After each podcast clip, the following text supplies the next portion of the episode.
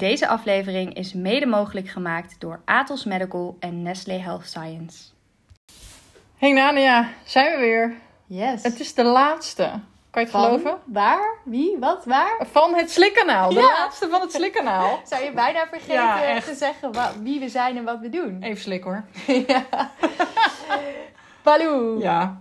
Düsseldorp. Ja, Nadia van Gent. Wij zitten hier weer voor de laatste aflevering. Ach, het is echt snel gegaan. ja. Ik ben er nog niet aan toe. Nee, ik ook niet. Ik kan nog eh, tien afleveringen maken, denk ik. Ja, misschien in seizoen 3. Who knows? Dat zou kunnen. Maar wie gaan we nu spreken? Want we zijn nog niet, we zijn nog niet zover. We Nee. hoeven nog geen afscheid te nemen. Nee, we, we gaan nu eh, Pauline Stekkinger spreken. Eh, logopedist in het Radboud UMC. In Nijmegen. Toch? Nijmegen? Ja. Ja, in Ja. Nijmegen? Mijn topografie is niet heel sterk. nee. Ehm, en waar, waarover... ik zeg ook nee. Ja, heel snel ook, dankjewel. Ehm Pauline Stekkinger dus, Radboud UMC. Waarom willen we Pauline Stekkinger spreken, Nadia? Nou, Pauline weet heel veel over eh, maar zij werkt ook vooral heel veel op de intensive care. Dus zij gaat praten over eh, slikproblemen op de intensive care. Eh, hoe daarmee om te gaan. Nou ja, alle ins en outs gaan we haar eh, bevragen. Ik ben super benieuwd. Laten we erbij halen. Yes! Hey Pauline, wat leuk om je te ontmoeten. Eh, nog nooit gezien, veel gehoord van je, maar eh, nu voor het eerst spreken we jou vanavond. En ehm, je bent de hekkensluiter, aflevering 10. En eh, ik ben heel benieuwd, en Malou denk ik ook, Ja, wie ben jij en wat doe je? Hey, nou, hartstikke leuk. Eh, bedankt voor de uitnodiging om te beginnen. Ehm, nou, ik ben eh, Pauline Stekkinger. Eh, ik werk als logopedist in het Radboud UMC. Nu bijna 15 jaar. oh wauw. Ja, dat is heel shocking. Ja, vind ik zelf ook.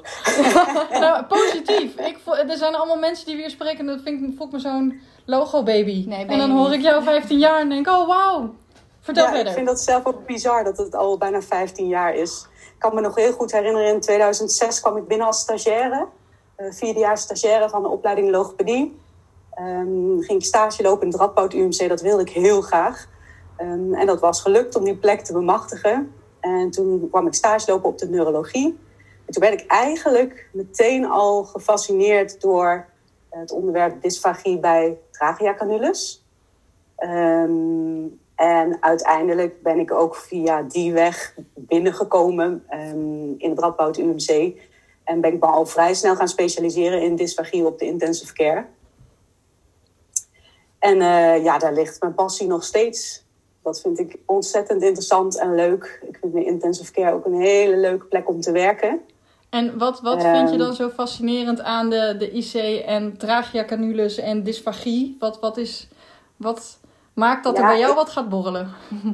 Ja, een goede vraag. Nou, ik denk, het, het is een, een tikkeltje technisch. Ehm, en ik hou er heel erg van om iets tot op de bodem uit te zoeken.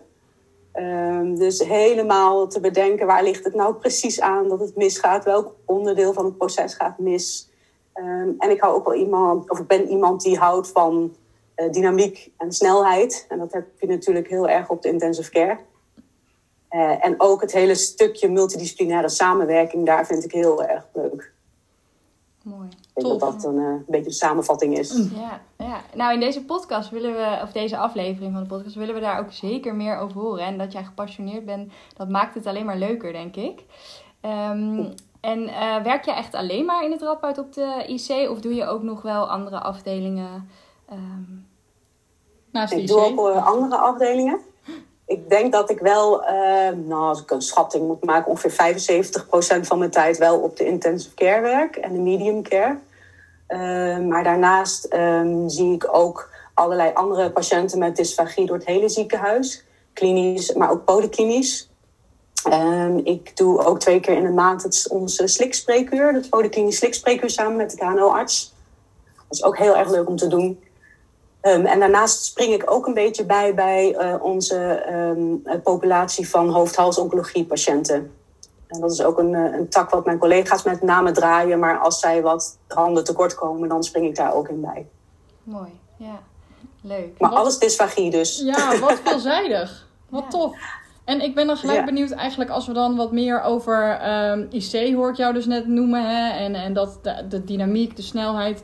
Ehm, maar ook wel kan ik me voorstellen dat als je als net beginnend logopedist, is, is dat niet misschien zelfs wel een aparte specialisatie waar je, waar je uh, cursussen, training uh, voor moet hebben? Of, of overschatten we dat misschien? Is, valt dat wel mee? Is het ook gewoon doen en, en heb je genoeg aan je gemiddelde dysfagie-ervaring voor zover je die kan hebben?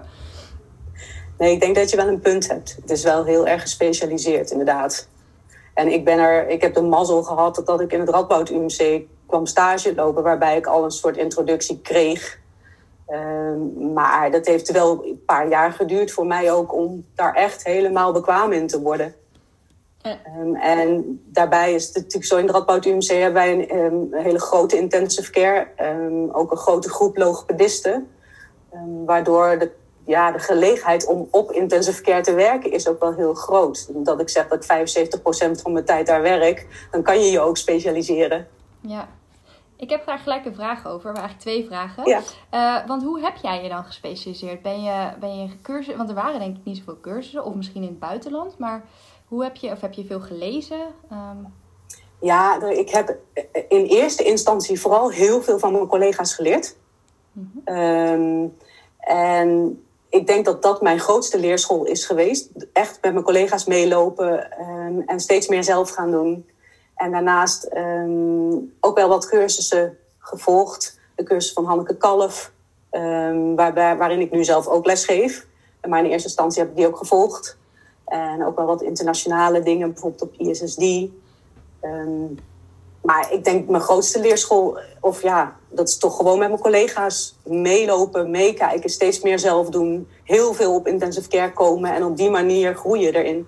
En, en je collega's, die noem je nu een paar keer, uh, hebben we het dan over alleen de logo-collega's in het grote team? Of ben je ook mee geweest met de intensivist, uh, verpleegkundige? Uh, hoe hoe ver gaat dat?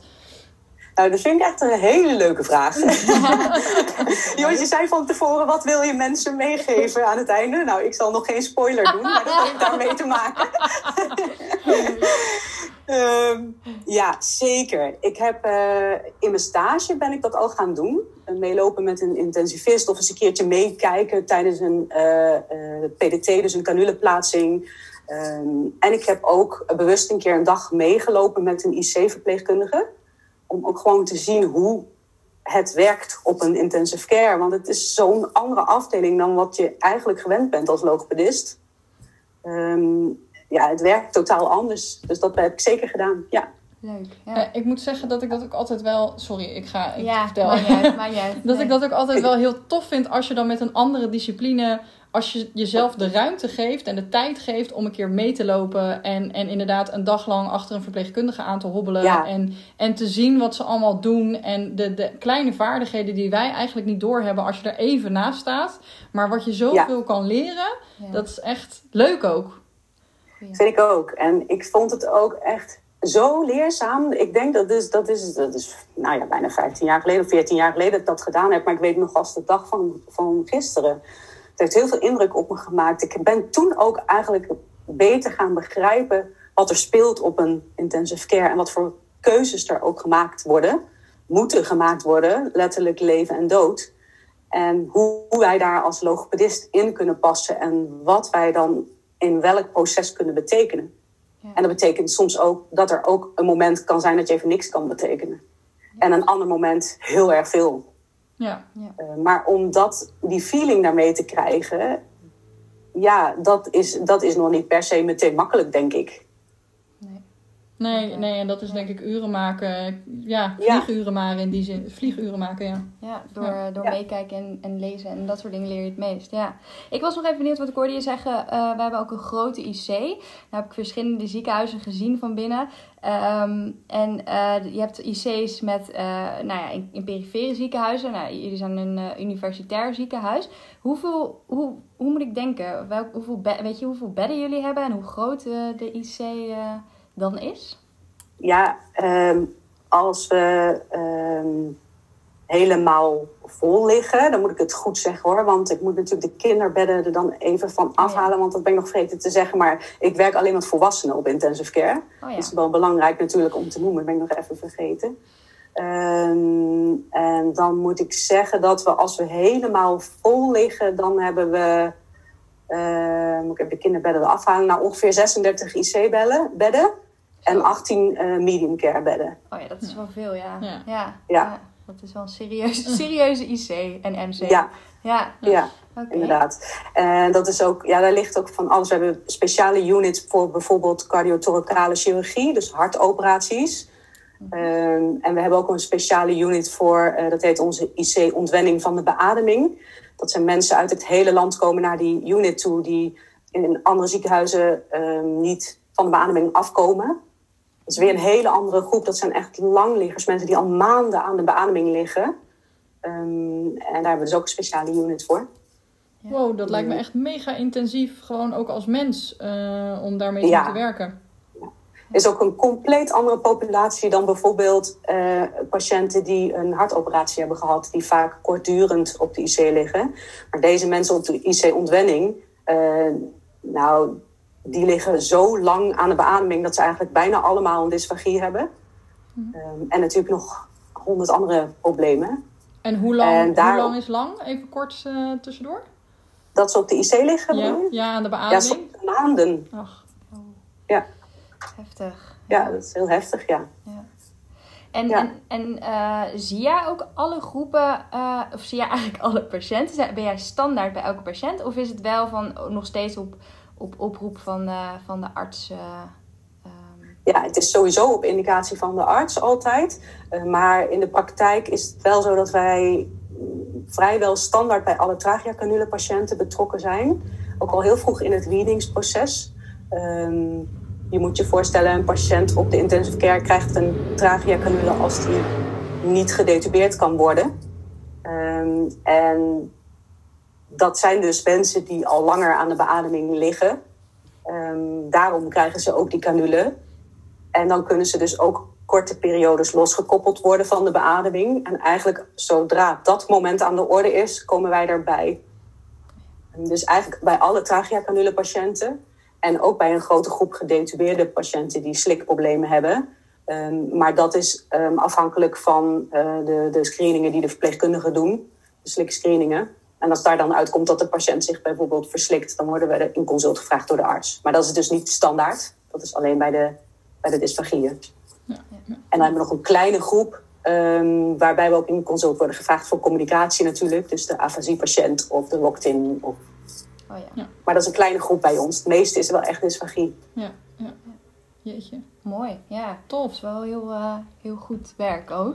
En we zijn natuurlijk benieuwd. We snappen dat jij niet eh, de hele cursus, eh, of een hele cursus gaat geven nu. Want dat, dat is niet de bedoeling. Super jammer dit. Heel Was jammer. leuk geweest. Ja. Ehm, dan moeten we nog een paar uur extra eraan plakken. Precies, maar waar, we, waar ik het, het Radboud een beetje van ken, is natuurlijk van de, ehm, van de post-IC-schaal. Zeg ik dat goed? Dat Ja. is toch door jullie? Ja, zeg je helemaal goed. Ja. Ehm, kun je daar anders om te beginnen iets meer over vertellen? Hoe zo is dat tot stand gekomen? Eh, ik, ik, vul altijd, ik doe altijd een ABC'tje, hè? Ik, een multiple choice, maar je mag ook gewoon zelf vertellen. Ja, ja. Nou, dat ABC'tje is best wel fijn hoor. Oké.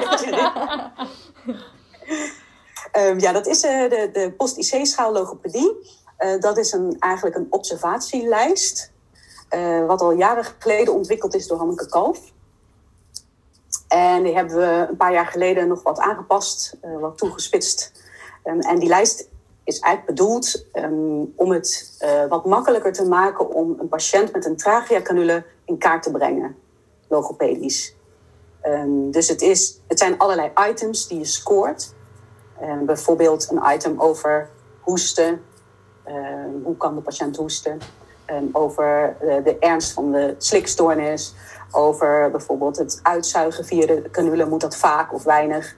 Eh, periodes van ehm, losliggen van de beademing.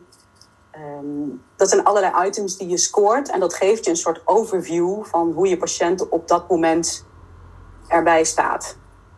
En dan moet je je voorstellen, wij vullen dat dagelijks in. Ehm, en daarmee zie je, als het goed is, die patiënt vooruit gaan op die schaal of achteruit. En zo kan je ook heel snel overdracht doen naar elkaar. Want je ziet die items en je ziet in één klap, oh, deze patiënt is bijna toe aan decanulatie of nog lang niet. En waar ligt dat dan aan? Welke punten moeten nog verbeteren? En dus daar is hij eigenlijk voor gemaakt. Ik, ik vind het meest geniale daaraan. eh, ik vind hem sowieso geniaal en heel fijn werken. maar ik vind wat ik soms zo mis in, eh, in de therapie en de behandeling en diagnostiek, als het, zeker als we het hebben over slikken, is dat, dat het soms zo ongrijpbaar is. En, en ehm, dat we als therapeuten nog wel eens geneigd zijn. En ik, ik werk op verschillende werkplekken, dus ik zie het veel. eh, dat er weinig standaardisatie is. Dat er weinig standaard is, Ja. oké, dit is wat ik zie en dat, dat bekijken we allemaal op die manier. En we bekijken allemaal deze, deze, deze, deze punten. En zelfs als ik niks zie, benoem ik wel eh, dat ik niks zie, maar dat ik er wel naar heb gekeken. En dat ook in de rapportage verwerken. En dat met die post-IC-schaal vind ik dat zo fijn dat je in ieder geval weet, we kijken allemaal naar hetzelfde. Ja. En ook al zie ik niks aan verandering, ik benoem het wel even. En dan weet ik ook van mijn collega dat hij dat gezien heeft. En ja, dat stukje standaardisatie vind ik wel super fijn daaraan. Ja, ah, leuk om te horen. Ja, En en dat is hebben ook jullie. namelijk precies de bedoeling. Ja, nou ja, dan, dat is overgekomen. Ja, dat is fijn. Ja, en wat ik ook... Kijk, eh, wij worden heel vaak benaderd door collega's uit het land, nou, bijna wekelijks, met de vraag: hebben jullie een protocol om toe te werken naar decanulatie?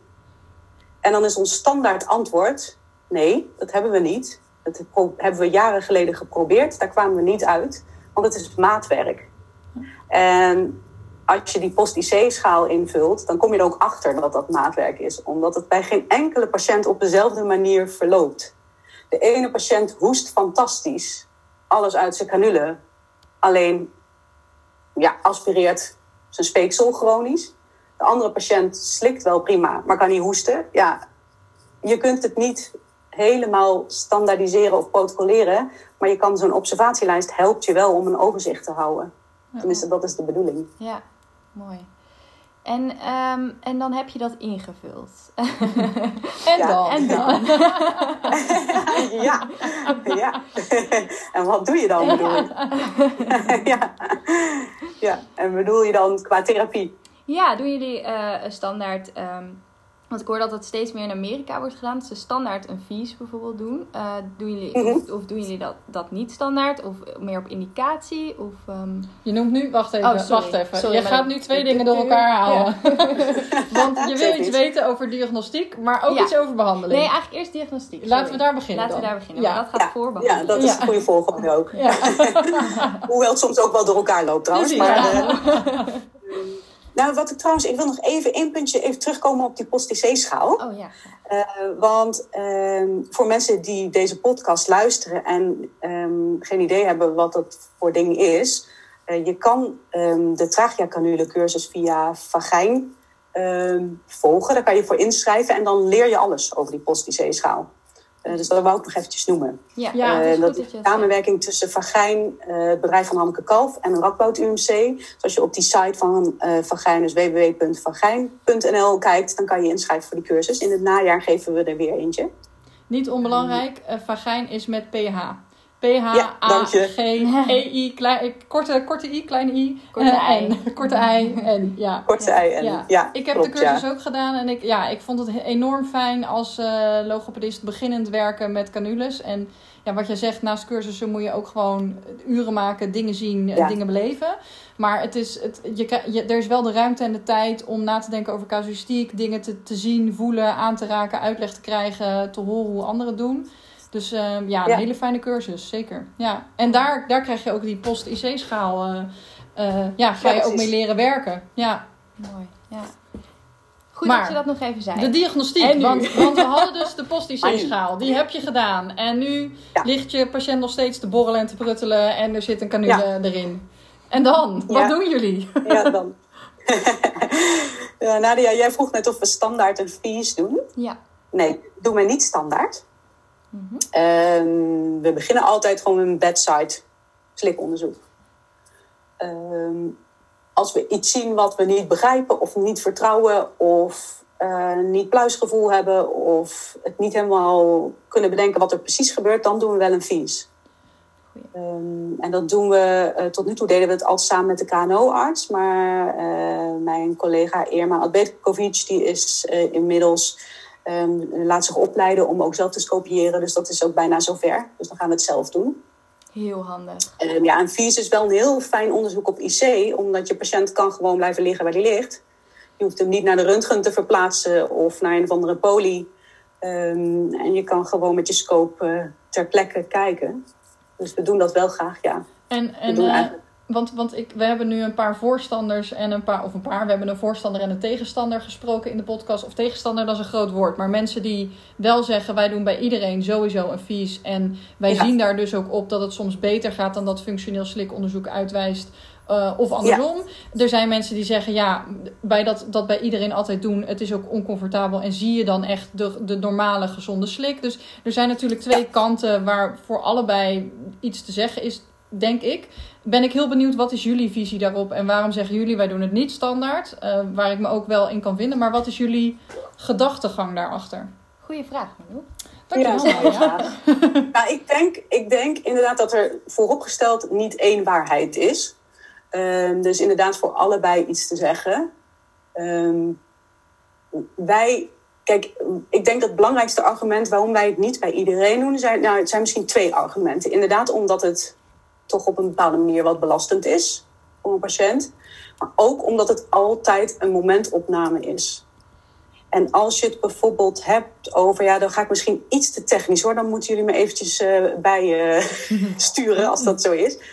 Um, maar als je bijvoorbeeld denkt aan een patiënt met een trachea-canule, um, waarvan je wil weten, slikt hij goed genoeg om uh, zijn speeksel weg te kunnen slikken, dat zie je eigenlijk niet met een momentopname. Dat wil je weten gedurende de hele dag, 24 uur. Dus je kan een vies doen en dan krijg je wel een indruk. Uh, maar het zegt niks over hoe het tien uur later gaat, om maar even zo te zeggen. Als iemand dus het is ook en... afhankelijk van welke vraag er op dat moment ligt, of we dat doen of niet. Um, en als de vraag is, kan die patiënt 24 uur lang per dag zijn speeksel adequaat wegslikken, dan heeft een vies niet zo heel veel zin. Dan wil je dat op een andere manier toetsen. Ja. Um, tenzij, wat wel kan, is dat we bijvoorbeeld zien dat het niet lukt.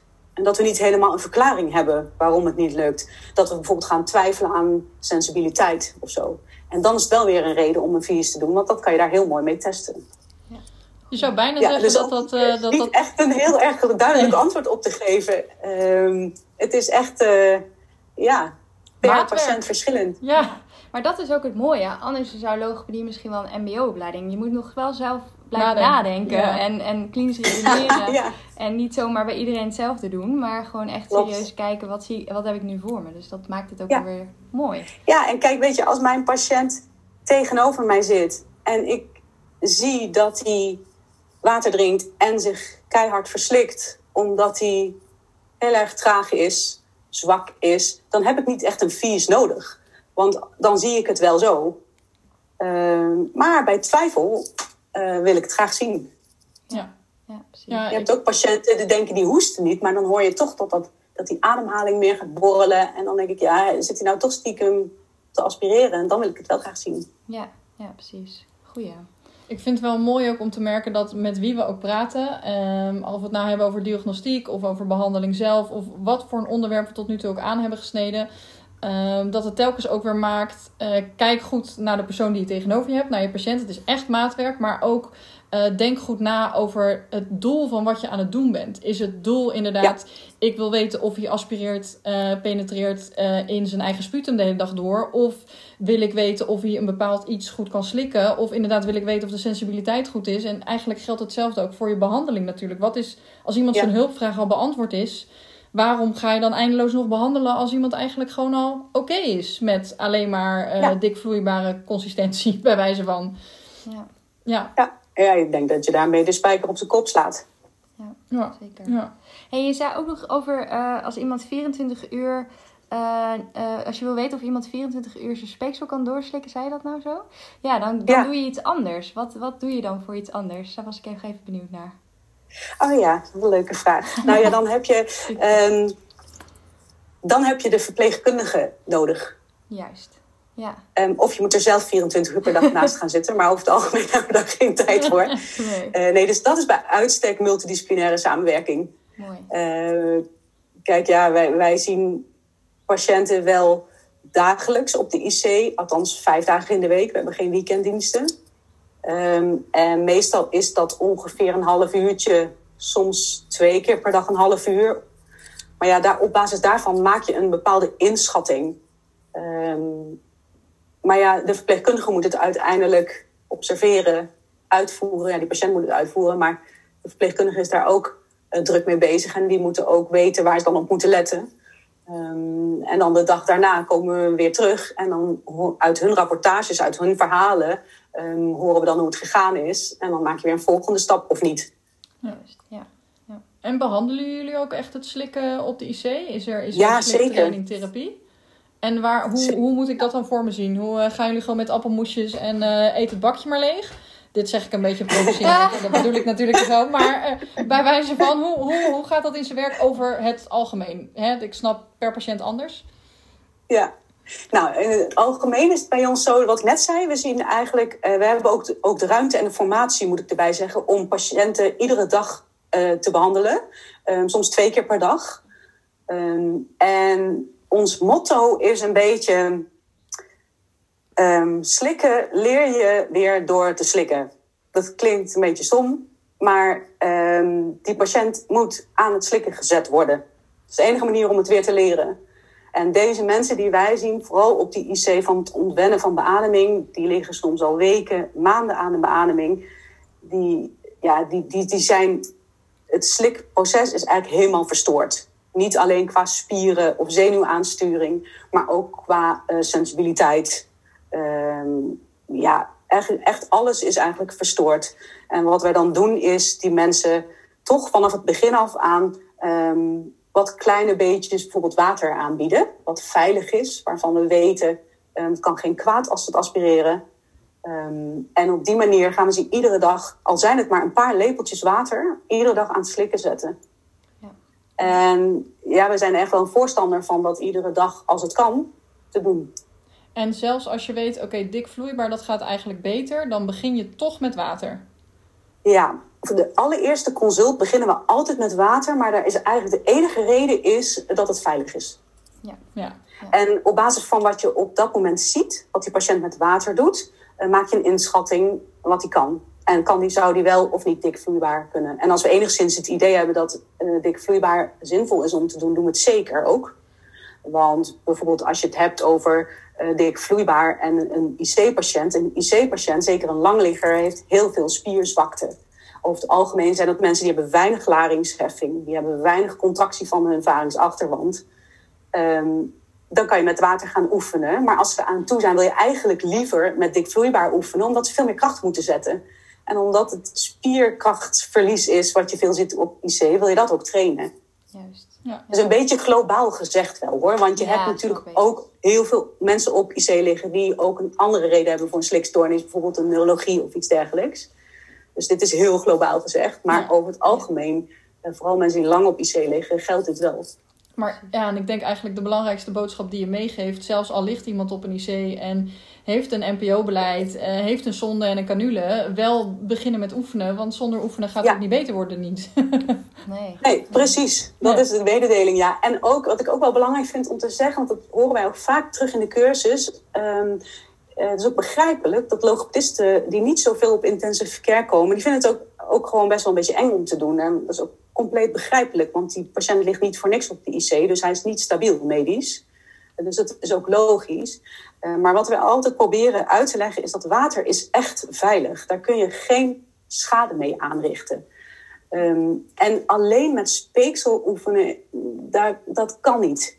Want um, die mensen hebben over het algemeen een hartstikke droge mond en keel ook. Dus nou, het is al knap als ze één keer uh, lukt om te slikken. Of ze hebben juist enorm veel sputum, uh, wat ze niet kwijt kunnen. En dat is, dus met speeksel oefenen is niet ideaal. Ja. En, en het, het is idealer om ze echt iets aan te bieden. En kies dan voor water als je het eng vindt. Want dan kan je echt geen schade mee aanrichten. Ook als de patiënt zich verslikt. Ja. Ik vind het echt heel mooi dat je dat nog even ja. benoemt. Want uh, ja, je ziet soms gewoon echt wel patiënten die volledig op niets per os inderdaad gezet worden. Wat ook niet echt uh, prettig is om uh, te zien in de keel soms. Nee, nee. Met, nee aangekoekte slijm. En, ja. ja. En ik vind het ook heel mooi dat je noemt nog het slikken, oefen je alleen door te slikken. Ik had van de week in een van de ziekenhuizen waar ik werk, werd serieus door een arts, gelukkig geen intensivist of uh, neuroloog, maar een arts op een andere afdeling die zei: Maar kunnen we dan nu, als die patiënt op NPO staat, nog op een andere manier oefenen? Ehm, ik denk dan bijvoorbeeld aan zingen, neurien. dit, is, oh. dit is, was echt een arts. En ik keek hem ook echt even aan dat ik dacht. Nee, dat zei je echt hardop. Tegen mij ook. Echt, met woorden. Wauw. Nou ja, dus daar zei ik ook inderdaad tegen. Slikken kan je alleen oefenen door te slikken. Ja, ja inderdaad. Ja, als je een operazanger ervan wil maken, dan kun je oefenen met zingen. Maar... Ja, ik dacht, jij, jij hebt echt geen idee hoe het, hoe het hier down under er zeg maar uitziet. Het is echt voor jou een groot raadsel. Wauw. Ja. ja. ja hey, en ik ben nog wel even benieuwd, want we hebben um, seizoen 1 hebben we uh, gemaakt over canules, zoals de eerste. Ja, um, die heb ik geluisterd. Oh, kijk, ja, ja. leuk. Um, dat was door Erwin Scholt inderdaad. En uh, toen hadden we het ook eventjes over kuf, uh, lege kuf, volle kuf. Ja. Ik weet dat in Amerika nu wel wat dingen gaande zijn met dat ze ook met volle kuf dingen aan het doen zijn. ik was benieuwd, hoe staan jullie daarin? Daar zijn wij heel rechtlijnig in. Wij vinden dat ehm, je slikken eigenlijk alleen maar goed kan, sowieso kan beoordelen, alleen maar goed met een lege kuf. Um, ja, ik weet even niet of het nu handig is om dat een beetje uit te leggen. Of is dat nou, juist niet handig? Misschien wel goed om het even toe te lichten voor de logopedisten die niet heel bekend zijn met canules. Ja, precies. Ehm, kijk, een kuf is een ballonnetje die zit om de canule heen in de luchtpijp. Als die opgeblazen is, dan gaat de lucht echt alleen maar in en uit de canule. En dat betekent dat er dus geen luchtstroom naar de stembanden gaat. Ehm, en dus ook niet naar de varings. En dus als een patiënt aspireert uh, met opgeblazen kuf, dan, ehm, dan is de luchtstroom naar boven geblokkeerd. De lucht gaat alleen maar uit de canule. En dat betekent dat um, die patiënt even samenvattend. Um, ik moet even bedenken hoe ik dit nou handig ga zeggen, want het is best wel een beetje ingewikkeld. en anders maak ik er een heel lang ingewikkeld verhaal van. Ja. Um, dus ik ga heel even nadenken hoe ik dit ga benoemen zonder dat ik een half uh, ja, snap ik. ga geven. maar dat maakt niet uit, ik kom wel uit. zo, zo, inderdaad niet de hele cursus uh, nee. hier. Maar... Eh. Nee, het is ook zo. Kijk, om goed te kunnen slikken heb je ook een bepaalde drukopbouw nodig in je keel. En dat doe je alleen maar door die luchtstroom onder je stembanden. Daarmee kan je kracht zetten, daarmee kan je krachtig slikken. Je kunt je voorstellen als de lucht alleen maar uit de canule gaat, dat dat al lastiger is. Dus dat is één argument om je patiënt te laten slikken met een lege kuf. Um, daar komt nog bij dat de patiënt, we weten dat die patiënten met opgeblazen kuf wat minder gevoel hebben ook rondom de larynx, in de larynx. Dus als de patiënt zich verslikt, voelt hij het vaak ook niet. Ja. Um, dus je maakt het slikken wat lastiger. En als die patiënt zich verslikt, voelt hij het niet goed. En omdat hij het niet goed voelt, gaat hij ook niet hoesten. Dus als zorgverlener um, merk je het dan ook niet. De patiënt merkt het zelf niet en, en jij merkt het ook niet. Dus een patiënt kan met opgeblazen kuf ongemerkt aspireren. Um, dus om goede diagnostiek te doen, wil je de kuf leeg, want anders zie je niet of iemand aspireert. En voor goede therapie wil je de kuf ook leeg, omdat die patiënt er dan pas druk op kan bouwen als die slikt. En ook stel hij verslikt zich met een lege kuf, dan kan hij het ook uit zijn larynx hoesten. Want met een opgeblazen kuf, stel hij zou het voelen dat hij zich verslikt en hij hoest een keer, dan gaat alle uitgehoeste lucht uit de canule en niet naar de larynx, uh, waar dat gepenetreerde of geaspireerde materiaal zit. Ja, of dus dat zijn eigenlijk in de notendop de argumenten. Nou, dit heb je wel heel uh, kort en bondig toch nog gezegd hoor.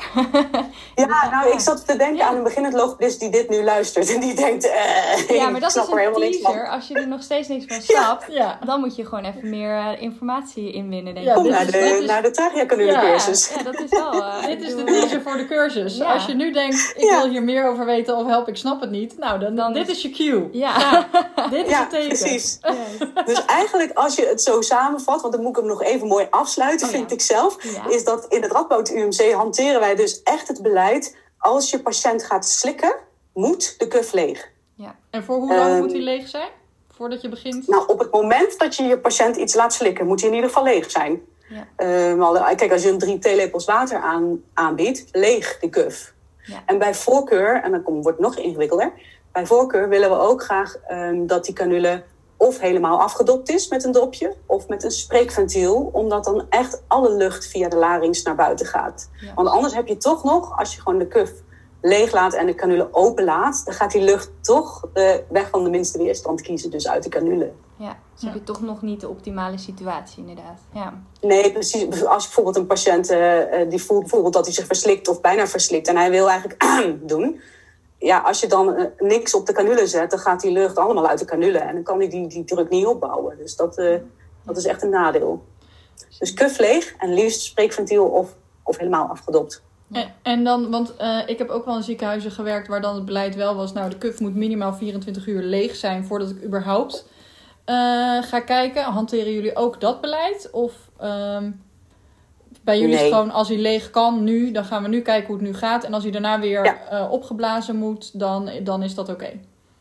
Ja, en wij zijn ook vaak betrokken in het Radboud UMC, juist bij het uitbreiden van die periodes met lege kuf. Want je kunt je voorstellen, als je kuf leeg is, dan moet je dus wel in staat zijn om je speeksel door te slikken.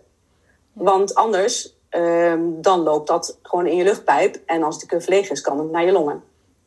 Um, en wij zijn vaak bij betrokken. Dat is vaak de eerste vraag die aan ons gesteld wordt op de IC. Dan heeft een patiënt een tracheacrenule, hij ligt nog aan de beademing. Dan willen ze die patiënt um, losleggen van de beademing. En dan willen ze heel graag ook een spreekventiel erop, zodat die patiënt eindelijk weer kan praten.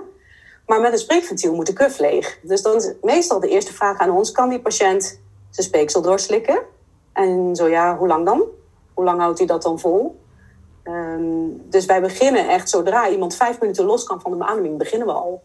Gelijk met spreek, we spreekventiel ook. Ja, en dan maken we meteen een inschatting van hoe slikt die speeksel water en eventueel meer als die het kan. En dan maken we ook een advies van, nou, de inschatting is dat hij drie keer per dag een half uur dit kan. Spreekventiel met lege kuf, bijvoorbeeld. En dan gaat de verpleging daarmee aan de slag. En de dag daarna evalueren we met z'n allen, is dat gelukt of niet? Wat zijn de overige prioriteiten? En als dat heel goed is gegaan, dan maken we een volgende stap. Dus we zijn vanaf het begin af aan er al bij betrokken. En dan heb je het nog geen, niet eens over orale intake. Nee, dus dan heb je het puur alleen over het slikken van speeksel en sputum. En ik denk ook dat dat voor logopedisten die geen ervaring hebben op de intensive care, is dat ook een, misschien een eye-opener. Dat vaak is, heb je verschillende doelen als je het hebt over sliktherapie op IC, je hebt eigenlijk twee verschillende doelen. En doel één is dat een patiënt zijn luchtweg zelfstandig kan vrijhouden van speeksel en sputum. Dus uh, speeksel doorslikken, ophoesten, dat is vaak het eerste doel. En heb je het nog helemaal niet over orale intake, dat komt pas veel later. En, en gaat iemand dan echt slikkend uh, uh, normaal dieet uh, de, de, de, IC af? Of, of, ja, terwijl je een appel moest ja. voeren als, als, als je dat niet kan, niet door de gang. Nee, maar ik bedoel, gaat, gaat die bij jullie ook echt, is de IC de plek van, oké, okay, nou hier, hier ga je, of, of vervolgen jullie ook op de afdeling of zelfs op de poli? of, of lukt al heel veel op de IC zelf, zeg maar? Nou, je hebt daar, daarin heb je alle varianten. Ja. Uh, er, zijn, er zijn inderdaad patiënten die op de IC gedecanuleerd worden en met volledige orale intake naar de afdeling gaan. Maar je hebt ook patiënten die met een tracheacranule, met een opgeblazen kuf, continu naar de afdeling gaan en die we daar moeten vervolgen. Um, en we vervolgen mensen ook zeker polyklinisch. Ja, ja okay. dat kan ook nog. Ja. Ja, dus je hebt alle varianten. Ja, ook daarin weer verschillende smaken. Ja. Hey, en dan, dan uh, want we, wow, we gaan echt weer heel snel in de tijd. Maar ik was nog benieuwd, want um, uh, jullie hebben dus geloof ik ook een canule-team. Um, is dat ja. een team wat... Um, nou, hoe werkt dat? Laat ik het zo vragen. Ik ga niet weer een ABC-team. Eh. Hoe werkt dat? Ja, mag wel hoor. Is het?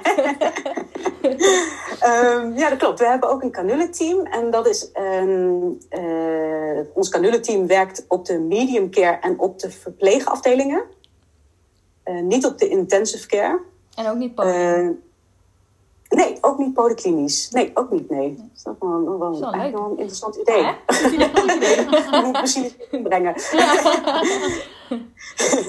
nee, het, is ontstaan om uh, de, de patiënten met tracheacanules die van de IC afgaan, dus naar de verpleegafdeling, naar de medium care, om die goed te begeleiden rondom de tracheacanule. Uh, want bijvoorbeeld bij ons is het zo dat de afdeling neurologie, um, die verzorgen ook patiënten met tracheacanules.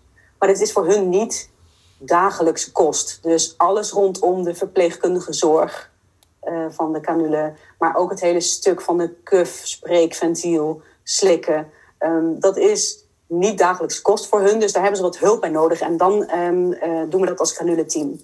En dat is een team die bestaat uit een verpleegkundige specialist van de intensive care, een logopedist, een intensivist. Ehm, en daar betrekken we dan de verpleegkundige van de betreffende afdeling bij. En de, uh, de, de, arts natuurlijk die verantwoordelijk is op dat moment. Dus bijvoorbeeld de neuroloog. En zij weten ook gewoon, uh, canule, er komt een, een canule-patiënt, om het even heel oneerbiedig te zeggen, het canule-team even bellen. Of jullie komen automatisch mee. Of hoe, hoe gaat dat? Ja, eigenlijk komen we automatisch mee. Tenminste, als de patiënt vanaf, vanaf onze eigen intensive care komt. Mm. Dan zijn wij als logopedist er meestal al bij op de intensive care. Dus dan gaat dat al heel automatisch. Maar mocht een patiënt van buiten afkomen, van een ander ziekenhuis bijvoorbeeld, uh, dan weten ze ons ook wel te vinden in het ziekenhuis. Ja, goed. Ja, wat fijn. Dat is mooi. Is de tijd inderdaad echt voorbij gevlogen? Want ik mag eindelijk mijn favoriete onderdeel van deze show, oh. ik bijna zeggen. Is het nou alweer bijna klaar? Ja, ja het is nou alweer bijna klaar. Ja, ik kan nog uren doorpraten ja, hoor. I know. Er komt nog een seizoen, dus who knows, who knows. Okay, um, want wat, zeg maar, na zo'n zo'n drie kwartier kletsen vragen we altijd of er iemand nog aan de hand van dit gesprek of überhaupt al, wat zou je mee willen geven aan alle logopedisten die nu luisteren? Als we het hebben over dit onderwerp. Ehm, nou ja, of misschien wel überhaupt, hoeft niet eens hierbij aan te sluiten. Maar uh, ja, een ander goed onderwerp. Welk merk Snickers je moet kopen of zo. Mag ook. ik zal eens even iets bedenken.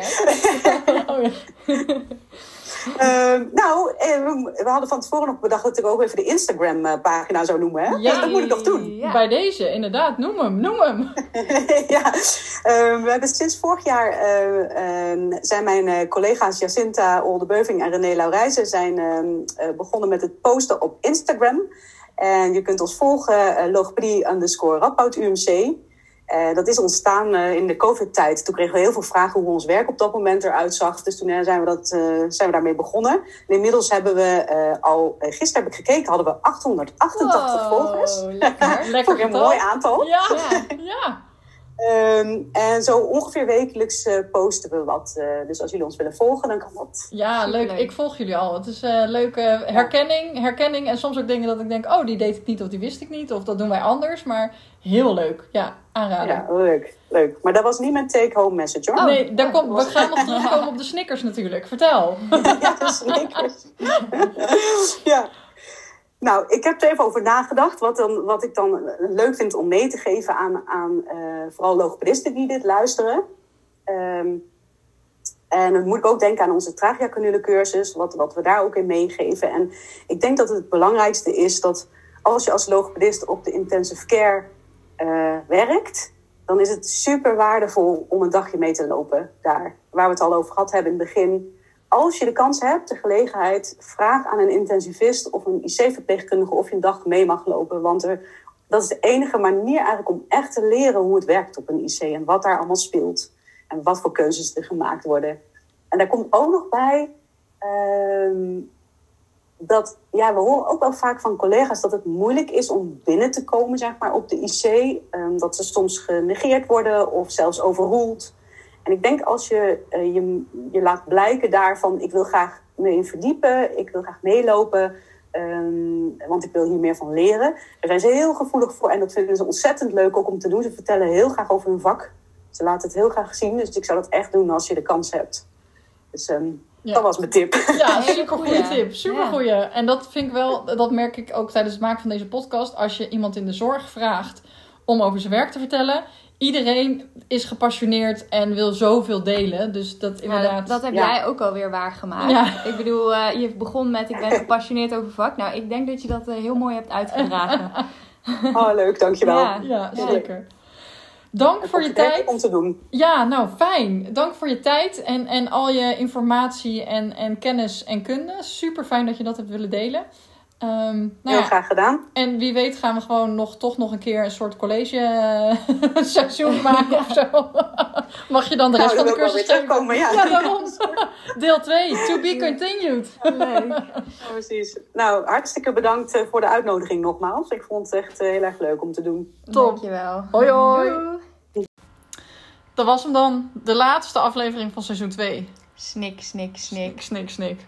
Ja. Maar het was wel echt, man, wat weet Pauline veel. ja, echt heel tof om haar eh, te spreken. Ja, Over eh, hoe het op de IC, die bizarre plek waar je nooit wil belanden. Behalve als logopedist, werkzaam. Ja, Nou ja, en hoe we er. Ik merk toch wel dat, dat er inderdaad altijd een beetje eh, weerstand is vanuit logopedisten. ehm, maar ook vanuit de afdeling. Oh, daar komt die logopedist. En we weten het allemaal zelf wel. Ehm, wat van beide kanten dus helemaal niet zo is. precies. En, en als, je, als je daarin weet te versmelten, dat, je, dat het super interessant is en je super veel kan leren. Ehm, Ja. Maar dat we allemaal. We moeten allemaal een beetje zoals kaasfondue worden. Wat meer smelterig, zodat we wat meer plakken. Go- goeie afsluiter. Volgens eh. mij moet ik meer eten, want dit is al de Ja, tweede referentie. Snickers, kaas, fondue. Wat komt er nog meer? Ja, Nou, ehm dit was laatste- hem dus. Ja. Ehm, wie weet komt er een seizoen 3. We weten het niet. Zijn er nog meer sprekers? Zijn er nog meer ideeën? Is er Laat nog meer te weten. vertellen over dysfagie? ja. We, hebben, we hebben stiekem al wel wat mensen op ons lijstje staan. Ja. Dus het zou zomaar kunnen dat er wel een seizoen 3 komt. Maar mocht je nou inderdaad een briljante spreker hebben, zijn, kennen, in de kast hebben liggen. Of mocht je zoiets hebben van... eh, stop met dit stomme slikkanaal.